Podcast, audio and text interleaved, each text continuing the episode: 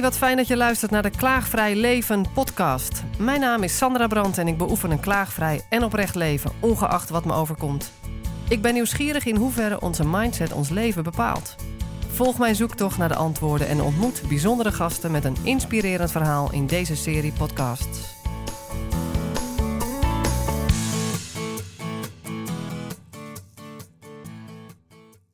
Ik ben Daan van Deursen. En, eh, leuk dat we hier zitten. Dank je voor de uitnodiging eh, voor deze podcast. Ja, ik, eh, ik- ik ben zo blij dat we al even gestart zijn. Om gewoon even te landen samen net. Voordat de opnames starten. Ja, En toen voelde ik opeens, nu moeten we beginnen. Want we hadden het over dat het eigenlijk altijd onvoorbereid gaat. Ook jij leeft steeds meer zo. Mhm. En dat is ook het creatieve proces durven uitnodigen. Dat het ook echt wel om moed gaat. Het is moedig om onvoorbereid voor een groep te gaan staan of in gesprek te gaan. Ja, toen kwamen we op hele mooie thema's. Toen dacht ik, nou, nou moeten we starten. ja daar voelde je je goed, denk ik. Ja, We, we ontmoeten elkaar vooral in dat stukje eh, ehm, ja, organisch mee mogen bewegen met wat, wat jij hoort, wat je te doen hebt in het leven. Of wat Hmm. je ervaart van dit moet ik, heb ik te doen. En daar, daarin meegaan. Het is eh, veel intuïtiever leven en er is moed voor nodig. Zeker. Ja, klopt helemaal. en dat is eh, ook iets wat jij eh eh, laatste periode of ontwikkeld of hoe, hoe heb je dat altijd al zo gedaan? Nou, dat is al wel, ja, dat ontwikkelt zich altijd. Want ik zie het leven als één grote leerschool. Dus we zijn pas klaar als we weer deze fysieke manifestatie los, loslaten, ons lichaam loslaten. Nee, dus het is, dat blijft leren. Alleen er is bij mij wel een heel duidelijk kantelpunt en ook een, dus een hele diepe verandering ingekomen. Maar dat is al jaren geleden. Mhm. Waarbij ik eh, op dat moment inderdaad niet anders meer kon als eigenlijk eh, volledig vanuit mijn intuïtie gaan leven. En daar hoort dus bij dat, je, mm, dat ik ook voor mezelf eigenlijk de tekenen alleen nog maar volg. Hè? Dus de tekenen die voor veel mensen eh, of niet meer gezien of gehoord worden, Mhm. maar die ons wel gegeven worden, waar we toevalligheden noemen, maar waar we een hele andere mm, ja, perceptie bij hebben gekregen. Goh, wat toevallig, terwijl dat het ons toevalt. Hè, ook de letterlijke betekenis als je dat wel anders gaat Oh, voelen. Ja. Dus ja, ik volg de synchroniciteit, eh, de energieën eh, en eh, daar luister ik naar. Ja, en daarmee krijg je eigenlijk een opbouw van vertrouwen van het zelf, zelfvertrouwen. Maar ja, wat is dat dan zelf? Is dat diepere stuk, wat eigenlijk dat zielstuk, waar niks anders wil als puur op intuïtie leven en eh, ja, ons hoofd eigenlijk daar wel bij gebruiken als een mooie tweede om dingen soms te kunnen ordenen of praktisch te kunnen organiseren. Maar eh, vooral vanuit intuïtief voelen, ehm, ja, de rest doen. ja, en dat is zo subtiel vaak. Je kan er zo makkelijk overheen denderen. Ja. Ervaar jij dat ook zo? Ja, ik denk dat het vooral komt omdat wij zo geconditioneerd zijn in de westerse wereld met name. En dat deze hele tijd er ook over gaat dat we daar met z'n allen weer terug aan het vinden zijn. Mm. Want je hebt natuurlijk heel veel voorbeelden, ook in de geschiedenis, maar ook ehm, nog niet zo heel lang geleden. Als je kijkt naar de Indianen bijvoorbeeld, Noord-Amerika, Zuid-Amerika. Ja, dan zit er zoveel wijsheid en dan is dat puur intuïtief en puur in eh, verbinding met zowel de aarde als de hemel en de kosmos. Dus het is niet nieuw, maar voor ons eh, in deze incarnatie, want zo zie ik dat. Hè, we zijn op veel verschillende plekken, denk ik, op de wereldbol ook geweest, eh, op de aardbol. Eh, wel weer helemaal. Maar dan maakt het ook des te interessanter. Het We hadden weer de kennis even- hervinden. ja, hervinden. Want ik zei altijd voordat wij eh, starten van, van ja, we mogen eerst dan, eh, veel wijze zielen mogen eerst de, de weg helemaal kwijtraken om hem vervolgens weer terug te vinden. Mm. En daar zit natuurlijk ook een bedoeling achter, tenminste voor mij. Want dan weet je ook heel goed hoe het is om de weg kwijt te zijn. Aha, ja. Hè? En om anderen daar weer in bij te kunnen staan. Mhm. Ja. Ja, dus dat is wel, wel, als ik kijk naar mijn eigen missie, eh, die heel breed is. Hè, want dan ga je op een gegeven moment, ja, als je je eigen kracht steeds meer mag ontmoeten en mag omarmen. Eh, en dat is- geldt volgens mij voor jou ook. Dan ga je allerlei dingen doen waar jouw hoofd voorheen al, vooral van dacht, ja, maar dat kan ik niet en eh, dat is niks voor mij. En, eh, je behoudt je heel erg tot een bepaalde functie en je identificeert je helemaal met je job, met je baan en dat is het dan vaak. Hè. We gaan Ja, het weekend nog een keer sporten als we geluk hebben. Je belemmert jezelf door de ideeën die je hebt gekregen in onze wereld van hoe Ja. het hoort. Precies, en dat is alles met identificatie te maken. Hè. Dus eh, werk is, is, is verheven tot, eh, tot het meest heilige. En dan eh, doe je één baan met een beetje geluk 40, 50 jaar. Ja, daar komen we dan net vandaan. En daar identificeer je je ook helemaal mee. Hè. Dus als je dan iemand vraagt wie ben je, dan komt meteen ja, ik ben Daan en ik ben Timmerman. Ik noem maar iets. Ja, de vraag is al, wat doe je? Ja, precies. Niet eens wie ben je. Ja, Ja. ja. Ja, maar mensen zeggen dus al ik ben, hè, terwijl dat is een rol, eh, een Ja. rol benoemen. ja. Een van de vele rollen die we spelen. Nee, dus... eh, Meteen een tip eh, bij een volgend uitje of waarbij je nieuwe mensen ontmoet, is dat ik vaak vraag: wat houdt jou bezig in het dagelijks leven? Ja. Wat Ja. kun je dan vragen? Is dat wel een mooie vraag? En, en de echte vraag die ik in coaching wel eens stel van, ja, wie ben jij? Hè? En dan, eh, het is een hele moeilijk te beantwoorden vraag dan, Mm. want als de identificaties eh, ophouden met allerlei rollen, ja, wat blijft er dan nog over? En dan ga je meer naar je kern, denk ik. En eh, ja, die is immens krachtig. Mhm, Alleen daar zijn we ook heel bang voor. mhm. bang voor geworden, om allerlei redenen. En daar hangt dan samen met, ja, die kern, die di- wil denk ik vooral vanuit echte diepe vrijheid leven. En die diepe vrijheid hangt samen met die intuïtie. En die intuïtie overstijgt eigenlijk al die vastgeroeste systemen die we met elkaar vooral vanuit de ratio hebben op, eh, opgetuigd. Mhm. En die wil daar bovenuit zweven en eh, Mhm. van alles en nog wat beleven en doen. En, eh, Wat er in mijn hoofd ineens eh, omgaat nu, toen jij had over wie ben jij, en dat we daar nogal vast aan hebben gehouden, aan een rol die we spelen, bijvoorbeeld een functie die je hebt. En ja, wie ben jij zonder die functie eigenlijk? Het doet mij denken aan een presentatie van, een boekpresentatie van eh Mirre en eh, Jim van Os. Jim van Os is psychiater. Ja. Zij hebben samen het boek geschreven, ik, Wij zijn God niet. Zij eh, willen een andere kijk op eh, de ondersteuning van mensen met problemen in het leven. Ja. Willen zij eh, uitrollen in, binnen de psychiatrie, binnen de GGZ. mm, En zij vroegen elkaar tijdens hun boekpresentatie: ja, wat, wat zullen we tegen gaan komen als we dat willen uitrollen? Want zij willen meer co-creatie Hm. tussen psychiaters en cliënten bijvoorbeeld. Ehm, en toen was het antwoord dat ze toch de, een beetje de vastgeroeste psychiaters eh, zien als degene die er moeite mee hebben om meer in co-creatie te gaan werken met de cliënt. Omdat zij toch nog te veel soms op de stoel zitten van God, bij wijze van spreken. Zij weten wat het probleem is volgens DSM-5 heet het geloof ik. En Ja. eh, eh, vinden daar dan even heel kort gezegd een passend protocol bij, inclusief medicatie. Ehm, maar als je meer in co-creatie met de cliënt wilt doen, wat, dan moet je iets loslaten. Namelijk, dat voegde ik toen toe eh, tijdens die, die middag. Ik heb ook wel respect en begrip voor degene die daar dan op die stoel zit en psychiater is. En ja, moet gaan leren dat meer in co-creatie te gaan doen eigenlijk. Dat is misschien wel hartstikke lastig, want wie ben je dan nog als Ja. jij dus je niet opstelt als degene die weet welke diagnose er is en welke pillen er zijn. ja. En je wil het anders doen en dan is het meer organisch, in samenwerking, meevoelend, meelopend in het leven. En natuurlijk heb ik daar helemaal niet genoeg kaas van gegeten om daar iets over te zeggen, meer dan dit. Eh, maar ik voelde wel heel duidelijk van ja, als we dat loslaten, die functie op die manier, en we gaan echt anders kijken, dan kom je gewoon in een moeilijk stuk van wie ben ik dan nog als ik niet die kennis meer zo heb. Maar meer open blijf in het niet weten, dat stuk meeneem in het contact. Heel interessant, want ik zie, als ik daarboven hang, zie je het in alle systemen. Hè. Je ziet het in het zorgsysteem, het GGZ-systeem, je ziet het in het onderwijssysteem, ik ben daar ook erg in, in betrokken. Je, je ziet het in het politiek systeem.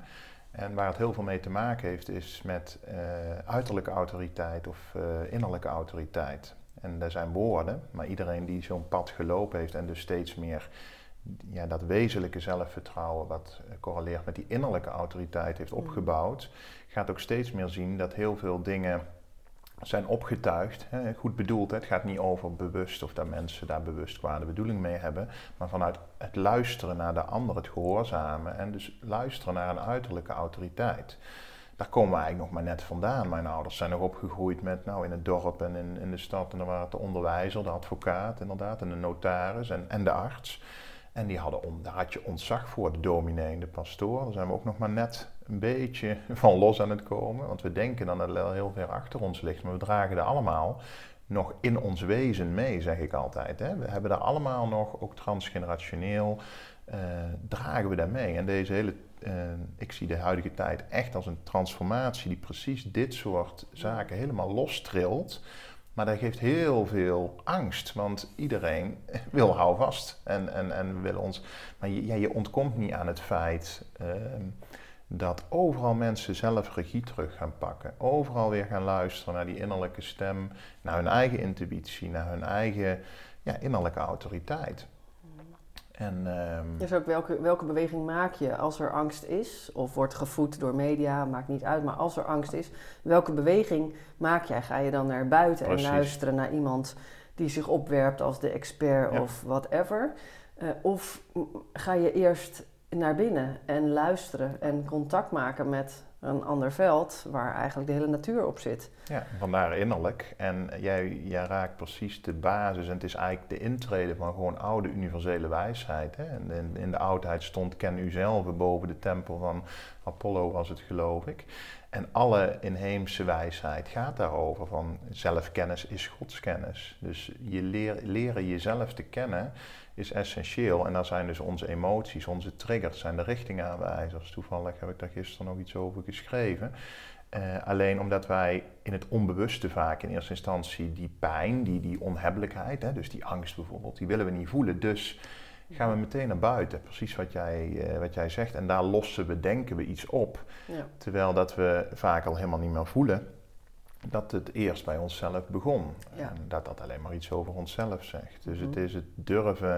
Ik zeg wel eens van iedereen die daar nog niet zit en nog in die ontkenningsfase zit, die zal ook altijd zeggen als je vraagt in, in, in welke hoedanigheid ook, als je nou kijkt naar het hele COVID-gebeuren of iets anders van, goh, ben je dan bang? Nee, dan wordt de angst ook meteen ontkend. Terwijl dat mensen die een moedig pad zijn gegaan, een spiritueel pad met vallen en opstaan, schaduwwerk zijn gaan doen, die zullen altijd zeggen, net als jij, goh, nou ik heb angst na angst na angst aan mogen kijken, mogen doorvoelen en uh, mogen toelaten, mogen transformeren. En uiteindelijk weet je ook dat er altijd wel weer een moment zal komen waarin je weer geconfronteerd wordt, maar dat daar dus wijsheid achter ligt. En wijsheid is weer iets heel anders dan kennis. Hè? Dus, uh, Zeker, ja. Dus daar correleert het mee. En die innerlijke autoriteit staat eigenlijk voor wijsheid.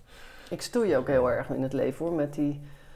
Um, met wat resoneert. En uh, um, wat rationeel gezien eigenlijk gebeurt. Um, ja, ook, ook op de middelbare school bijvoorbeeld van een van mijn kinderen. Um, ja, mijn kindsverhaal resoneert bij wat daar gebeurt.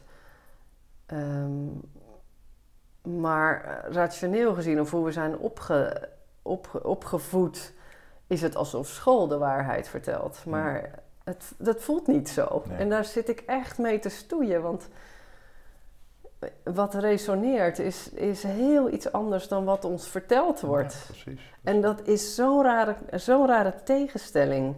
En om het even concreter te maken, dat zie je ook in reclame. Dan zitten we een, een filmpje te kijken van uh, buurman en buurman of zo. En tussendoor komt er dan via YouTube zo'n reclame over een fles die je kan kopen um, voor water erin met een of ander geurdingetje erop, waardoor het lijkt alsof je fruitwater drinkt. Dat je echt denkt, oké, je moet dus weer van alles kopen en chemische middelen en zo. Uh, uh, maar dat wordt in zo'n... Dus alles zegt, dit is echt raar. Maar de reclame die uh, doet vermoeden dat je daarmee de planeet redt. Want je hoeft niet allerlei flesjes meer te kopen en ook geen, uh, nou ja, ongezonde drankjes te kopen. Maar dus, ja, ik weet niet of dit onder gaslighting ook valt, maar je, je bent compleet in verwarring eigenlijk, want mm. iets resoneert van, hé, hey, dit klopt niet.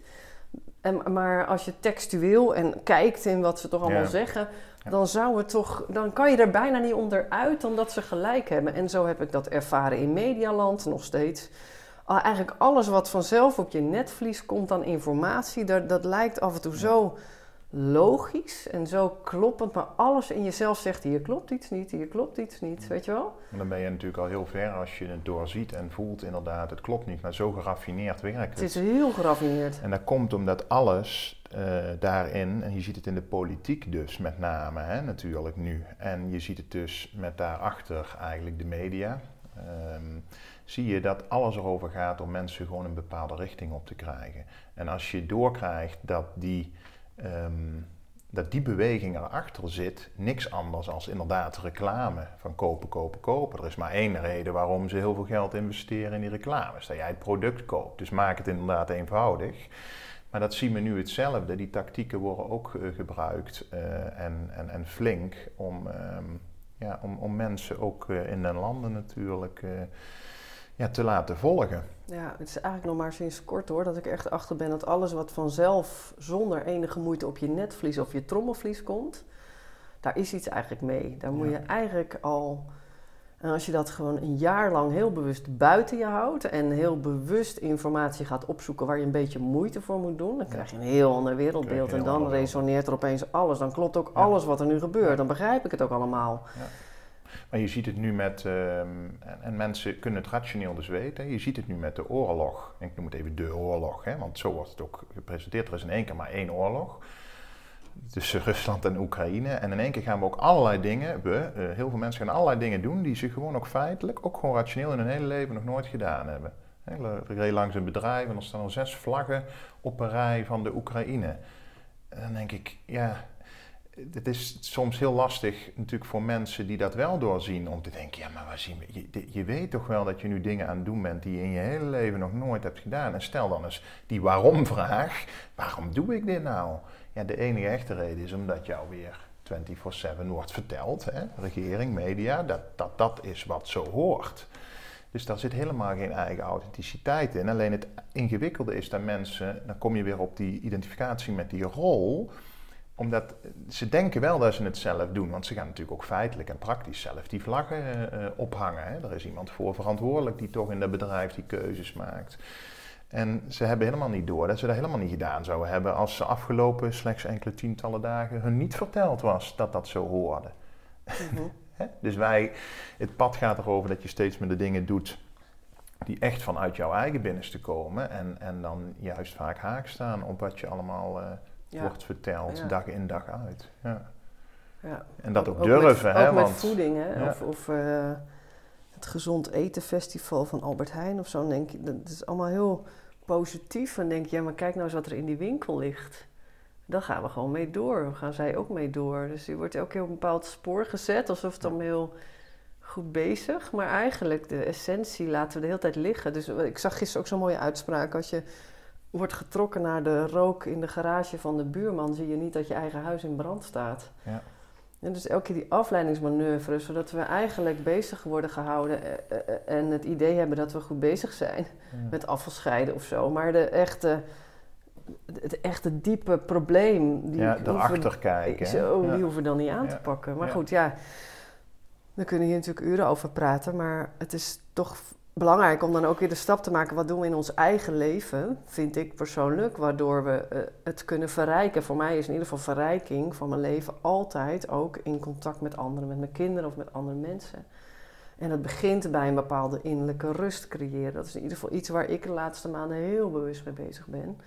Ja, met bewustzijnsgroei, want het is heel interessant wat je aanhaalt, want dat is ook mooi wat er nu dus allemaal naar buiten komt. Hè. Je ziet de meeste mensen, mensen met een hoog IQ, hè, intelligentiequotient, uh, maar met, waarvan je weet van ja, dat zit emotioneel en spiritueel uh, functioneert. Dat is geen oordeel op een, op een uh, ander niveau, op een lager niveau. Die hebben dus ook helemaal niet door, omdat het IQ heel erg correleert met de materie, zeg maar, met het fysiek waarneembare. Dat zie je nu ook. Hè. Dat is maar één waarheid, dat is gewoon hier het fysiek waarneembare.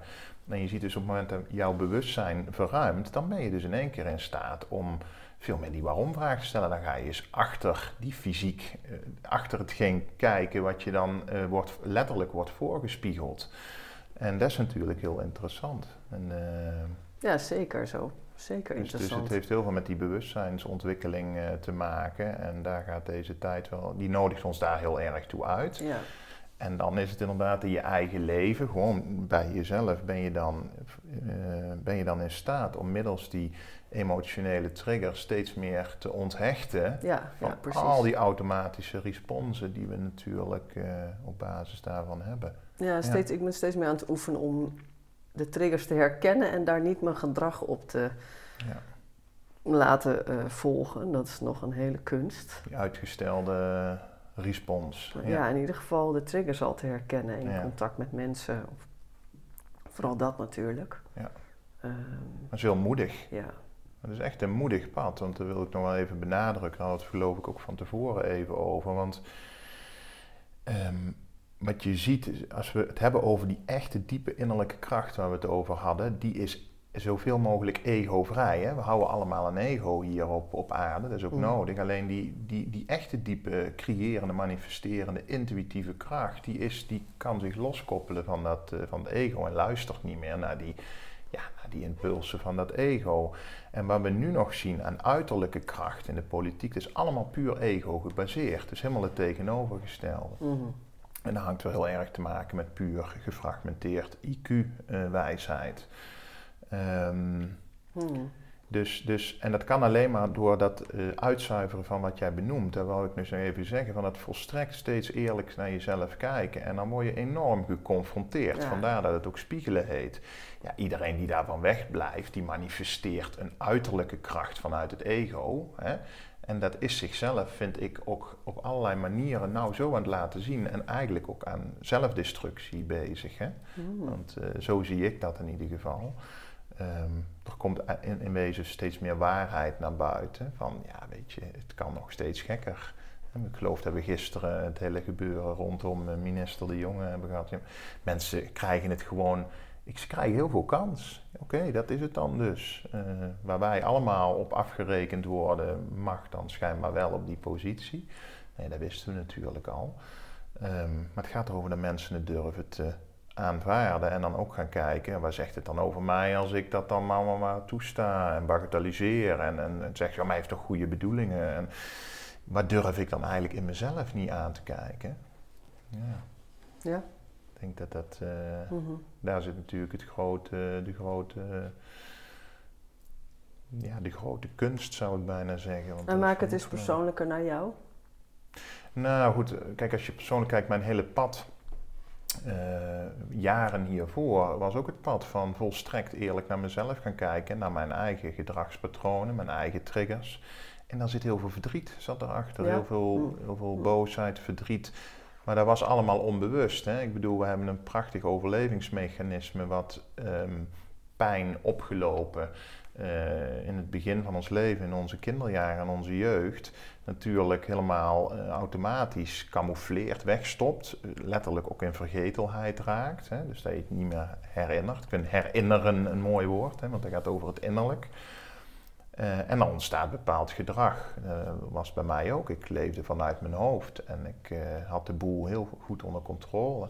En in deze maatschappij kun je dan ook gewoon nog heel goed succesvol zijn. Dus ik kon me wel heel goed invoelen op een ander, maar voor mezelf was ik enorm streng, een enorm grote innerlijke criticus. Ik noem het altijd gewoon de innerlijke beul, noemde ik het, saboteur.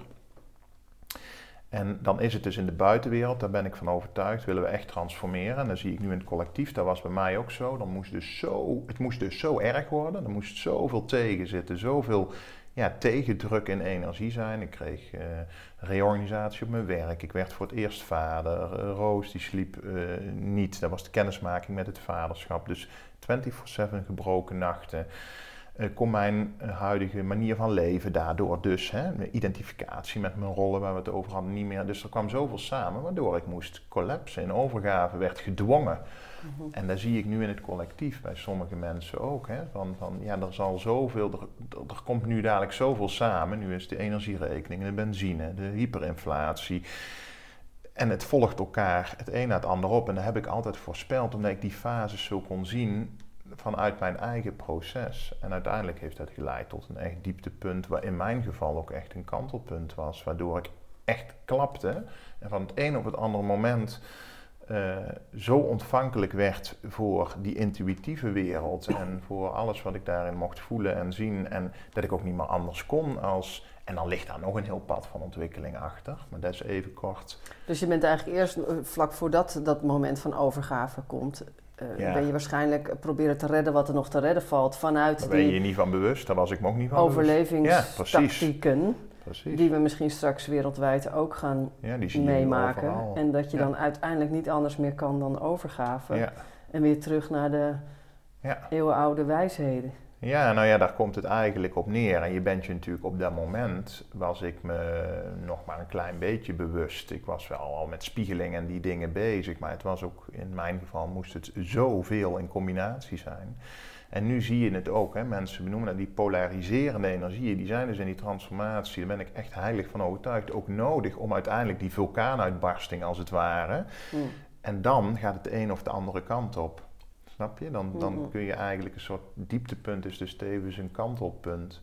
Waardoor het, uh, en ik ben ervan overtuigd dat het uh, de kant opkantelt van um, het bredere bewustzijn, een heel ander soort uh, wereld. Um, en mensen dus heel ontvankelijk worden voor die andere boodschap, die veel meer resoneert met ons hart en met onze intuïtie en ja, ons, die resoneert, ons groter weten, zeg maar. Want dat, hebben, dat is die echte kracht die, waar we ook zo bang voor zijn dus. En zo ver van af zijn. Ja, zo ver van af zijn dat het is soms zo subtiel, maar het is altijd waar. Ja, het is altijd waar, ja.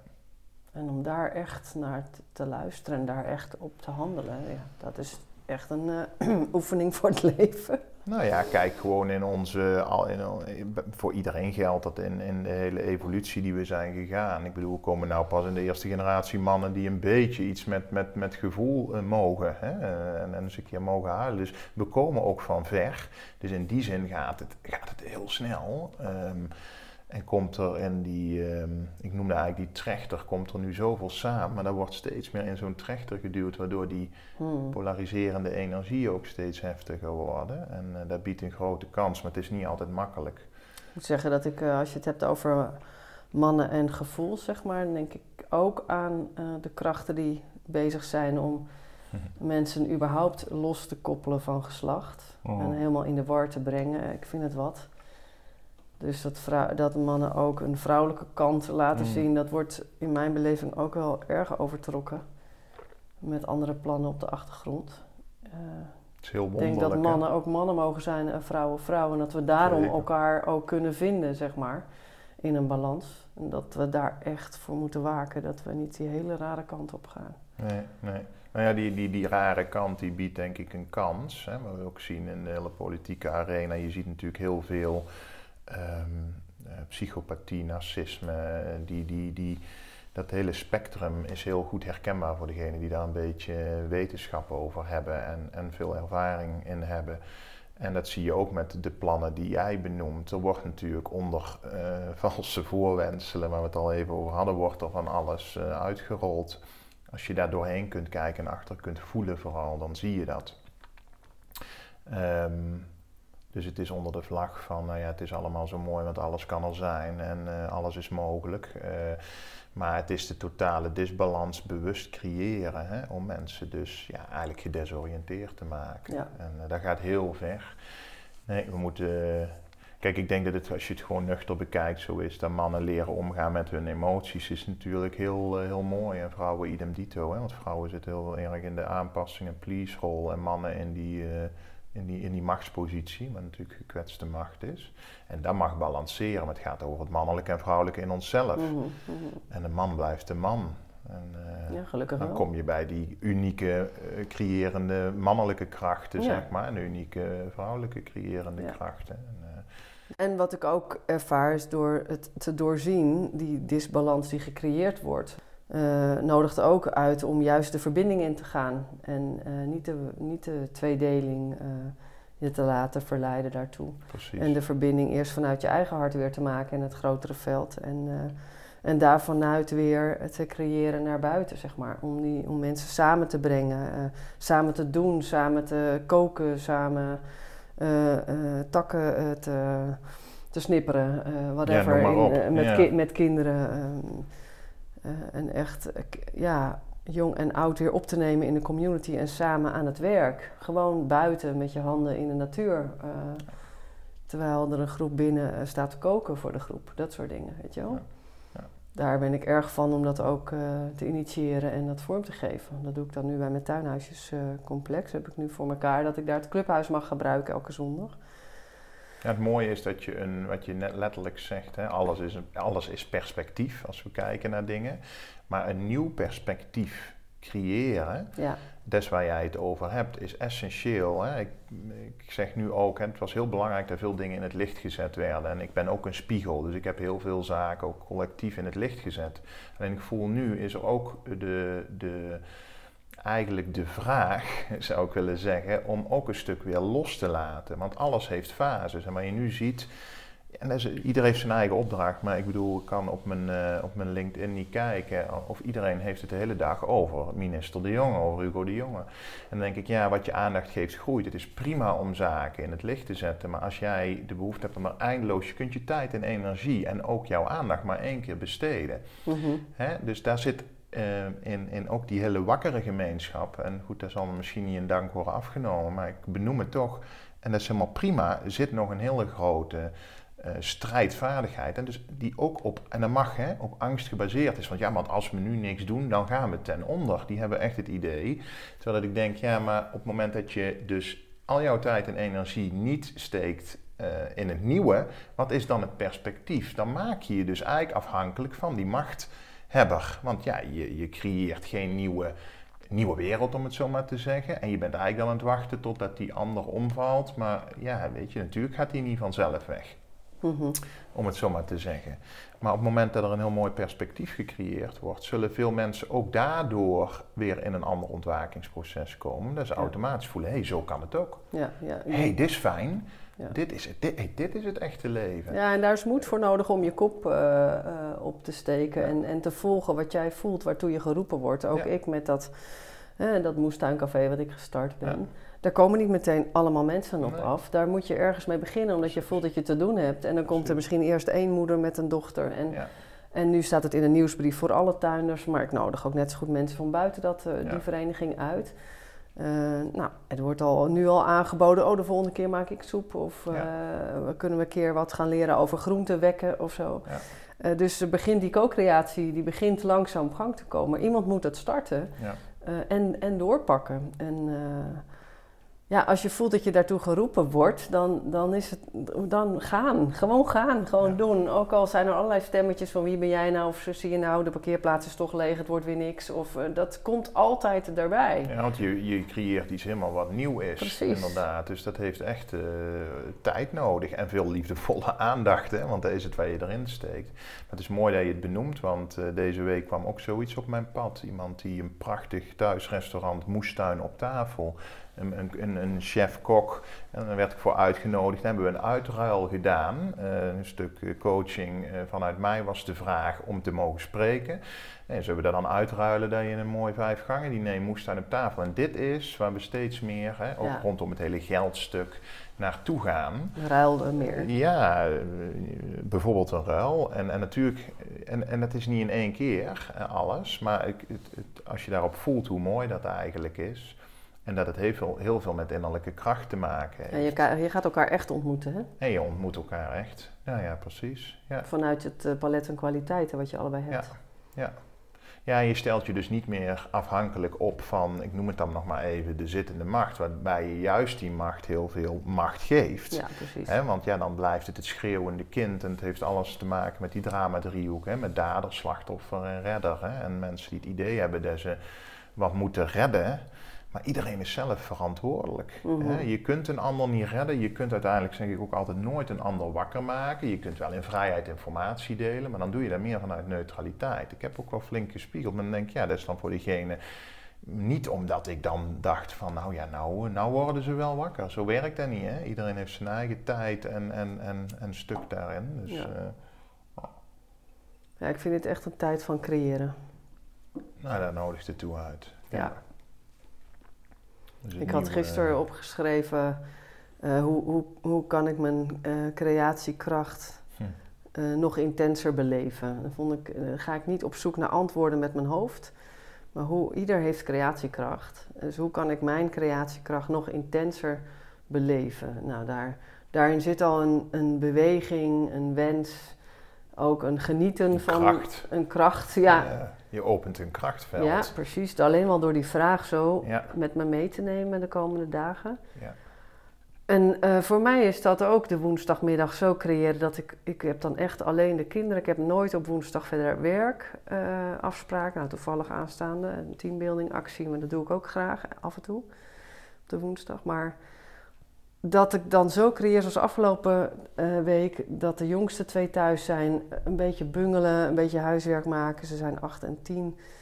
Ik die soep maakt, wasjes draait, bedjes verschoont. eh, binnen nog een verstoppertje met z'n drieën. En vervolgens zo'n rust in huis ontstaat. eh, dat, dat mijn dochter op de bank lang uit ligt op de buik te lezen. Met de liedjes op haar oortjes. Eh, en de jongste zoon van acht eh, in het hoekje van de bank bij haar voeten zit, waar die nog net past. Ook met een Donald Duck. Met, met haar blote voeten op zijn schoot met zijn arm eromheen, met een hand op de blote voeten en zo zit te lezen. En er ligt zo'n sereniteit in dat huis dat ik, ja, mijn soepje was klaar. Ik ben daarnaast gaan zitten zonder het hele proces te verstoren, maar mij, mij invoegend in het geheel. Eh, met een, een boekje van de Ecoplaza. Dat voelt dan ook alweer anders dan de, de doorsnee supermarkten, merkte ik. Als ik kijk naar dat tijdschrift wat erin staat. Ja. En de energie. eh, zonder schreeuwende reclames. En wat, wat bewustere voeding, dat voelt ook alweer anders. Dus ik ga daarmee zitten, maar eigenlijk spiek ik ondertussen naar dat handje van mijn zoon op de voetjes van, eh, van zijn zus. En de rust die daar is, niet de, de, de, de, de snelle brainwaves die we hebben als we veel met beeldschermen bezig zijn. Of veel met de to-do's en wat we nog moeten en wat er nog was. Of nou, en dat soort dingen. Maar ja, Gewoon het is een mooi helemaal voorbeeld. aanwezigheid. Helemaal aanwezigheid in het moment. En daar, dat kun je dus ook, daar kun je ook je creatiekracht voor gebruiken om dat te organiseren. En dan hoef je dus niet veel te doen, maar wat je dan doet is eigenlijk helemaal zijn. En eh, bewust die groenten snijden. En ondertussen heel erg aanwezig zijn en ervaren hoe ieder zijn eigen plek in de ruimte neemt. Dus zijn eigen ding doet. Dus nou ja, dat was een heel verhaal, een voorbeeld van hoe creatiekracht ook benut kan worden. Door het zo te beleven in het moment.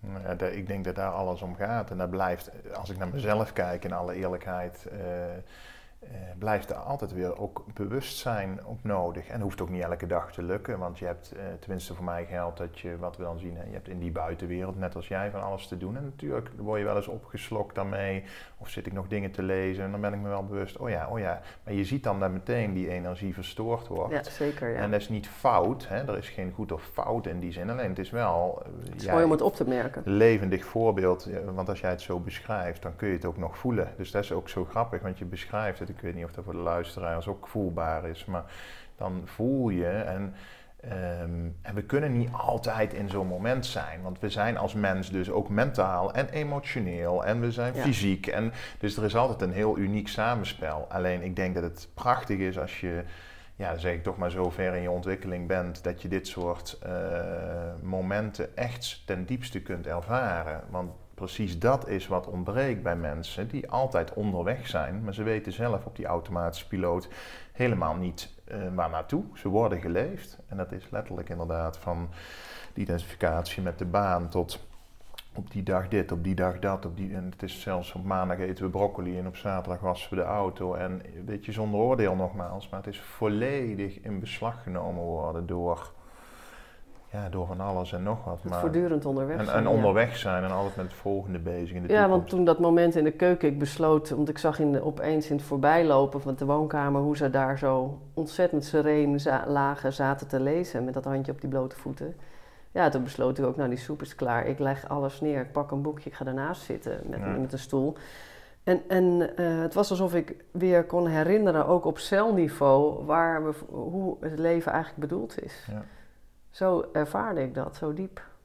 Mooi, mooi voorbeeld. En jij begon daar eigenlijk over inderdaad, doordat je jezelf die, eh, dat zinnetje, hè, die tekst... Of die creatiekracht. Ja, die creatiekracht. En dat is ook echt eh, waar het om gaat. Dat is ook mijn missie. Hè? De kracht is in jou, draag ik heel diep uit. En ehm, Mhm.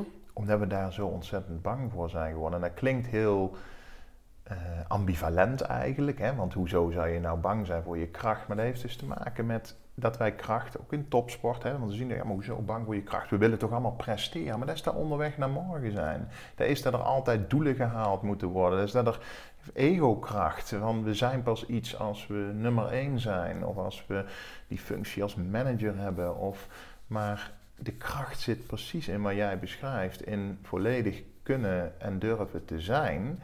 En dan ook alles wat er in je opkomt. En of je nou net zoals jij een podcast gaat maken, of net als ik voor een groep ga spreken. Allemaal dingen waarvan je vroeger vanuit die andere kracht nooit had gedacht van dat je dat kon. Want daar zat helemaal geen identificatie op. Mhm. Dus misschien is mhm. dat wel. Mhm.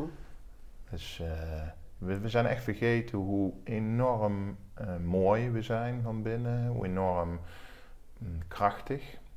Um, en voor mij is het dan echt essentieel dat we. Je ziet in veel kringen, spirituele kringen, we zijn alleen maar licht en liefde en we zijn alleen maar vrede. En het, het, gaat er bij mij echt om dat we echt kunnen omarmen dat we die kracht ook inhouden. Dat we enorm boos kunnen zijn en dat we enorm krachtig kunnen zijn in ons verdriet, in onze frustratie, onze agressie die we voelen. Zo heb ik het niet over dat we daar allemaal moeten gaan toepassen. Hè? Maar het gaat erover dat wij die, die, die tweeledigheid in onszelf beide helemaal kunnen omarmen. In mijn optiek. Er helemaal kunnen laten zijn. Waardoor er een, eigenlijk een staat van overgave is. Daarmee omarm je ook je innerlijk daderschap.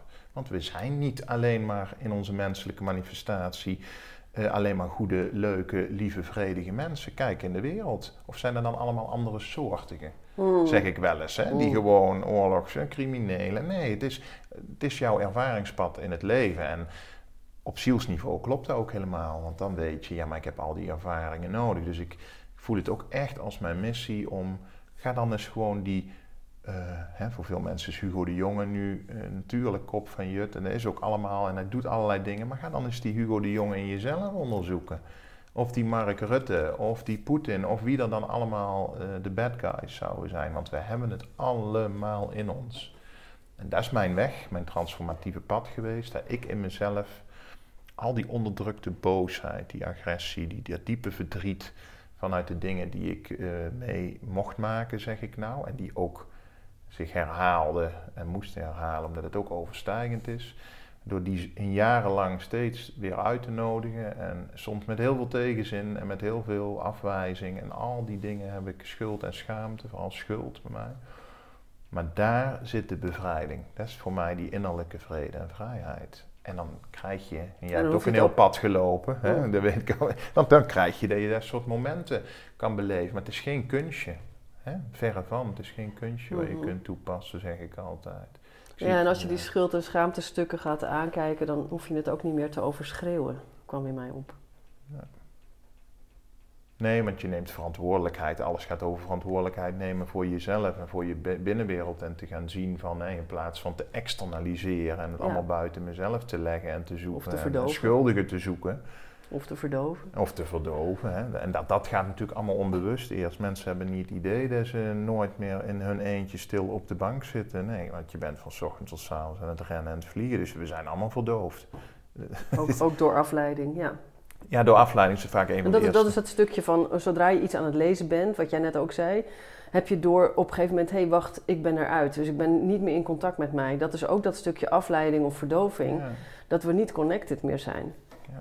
Zeker, dat is dan inderdaad, zou je kunnen zeggen, bijna in het klein, maar het zit heel subtiel. Daar, en, ja. uh, in het groot zeg ik wel eens tegen mensen die in het begin dan komen voor te coachen, van goh, zit je wel eens inderdaad even helemaal alleen, tien minuutjes, hè, we beginnen heel klein, op de bank. Nee, maar nou ook geen boek, nee, geen muziek, nee, nee, gewoon helemaal in stilte. Want het, we zijn helemaal vergeten dat de hele grote wijsheid in stilte zit. En natuurlijk is er het woord, en dat is heel belangrijk.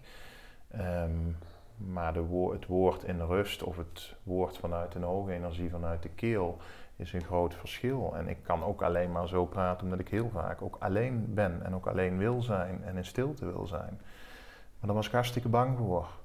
Vanuit mijn geconditioneerdheid wil het natuurlijk opvullen. Want als je alleen bent en je doet even niks, dan gaat het razen. Hè? Dan gaan we uh, al onze ja, nog onverwerkte stukken die gewoon aandacht willen het is niet meer dan dat. Ja, ja. gewoon erkenning geven aan. Oh, ik sprak gisteren iemand vanuit mijn werk, andere werk, die eh, heel erg veel slaapt, ook overdag, en heel veel bloot. Maar ik voelde gewoon, daar moet iets onder zitten aan trauma. Dat bleek ook zo. Ja, tuurlijk. Ja. Ja, door maar veel te slapen hoeft hij niet bang te zijn, hoeft hij niet te denken, hoeft hij niet te voelen. Je ziet dat bij depressies ook, hè? Zie je of mensen worden vaak heel hyper en, en dat wisselt zich ook af. Of je ziet dat mensen ja, letterlijk alleen nog maar in bed liggen en eh, helemaal eh, ja, zich bijna terugtrekken in, eh, Hmm. ja, in zo'n zo'n zo'n bijna babyhouding, hè? Van het alleen maar slapen. Hè? Heftig, En, eh, ja, dus eh, Het is een mooi palet waar we voor staan door, om het leven vorm te geven en ehm, betekenis. Nou we hebben die kracht, weet je. Ik blijf, ik Mm. ben ook vurig, zeg maar, dat ik denk van... Hmm. we hebben wel die kracht om eerlijk naar onszelf te kijken. We hebben wel die kracht om ja, dan die frustratie en boosheid te herkennen en daar ook de verantwoordelijkheid voor te nemen. Niet alleen maar van, oh ja, maar dat, dat is dan logisch, want het ligt aan de ander. Nee, het is logisch, want het is er. Hmm. En dat maakt je mens en we hebben het allemaal. Maar het zegt wel alleen maar iets over jou. En daar ligt, door die weg te gaan, Ja, en we hoeven het niet alleen te doen. en we hoeven het niet alleen. Er komen altijd mensen op je pad eh, Ja. als je je daarvoor openstelt. Ja, precies. De kunst van het ontvangen, daar zit ook rijkdom, hè? Ja, zeker. De dankbaarheid daarvoor. ja. Nee, dankjewel Daan. We gaan een beetje afronden. Waar kunnen mensen jou vinden voor coaching of in contact te komen met jou? Eh, diagnosevrij kijken heet de onderneming. Nou ja, hoe- behoeft nou geen betoog meer, denk ik. Een vrije manier van kijken met een open vizier. Dus ja, als je daar op Google diagnosevrijkijken.nl en op LinkedIn ben ik heel actief. Ja, Daan van dus, Deursen. Dus, Daan van Deursen. Ja, jij ook bedankt.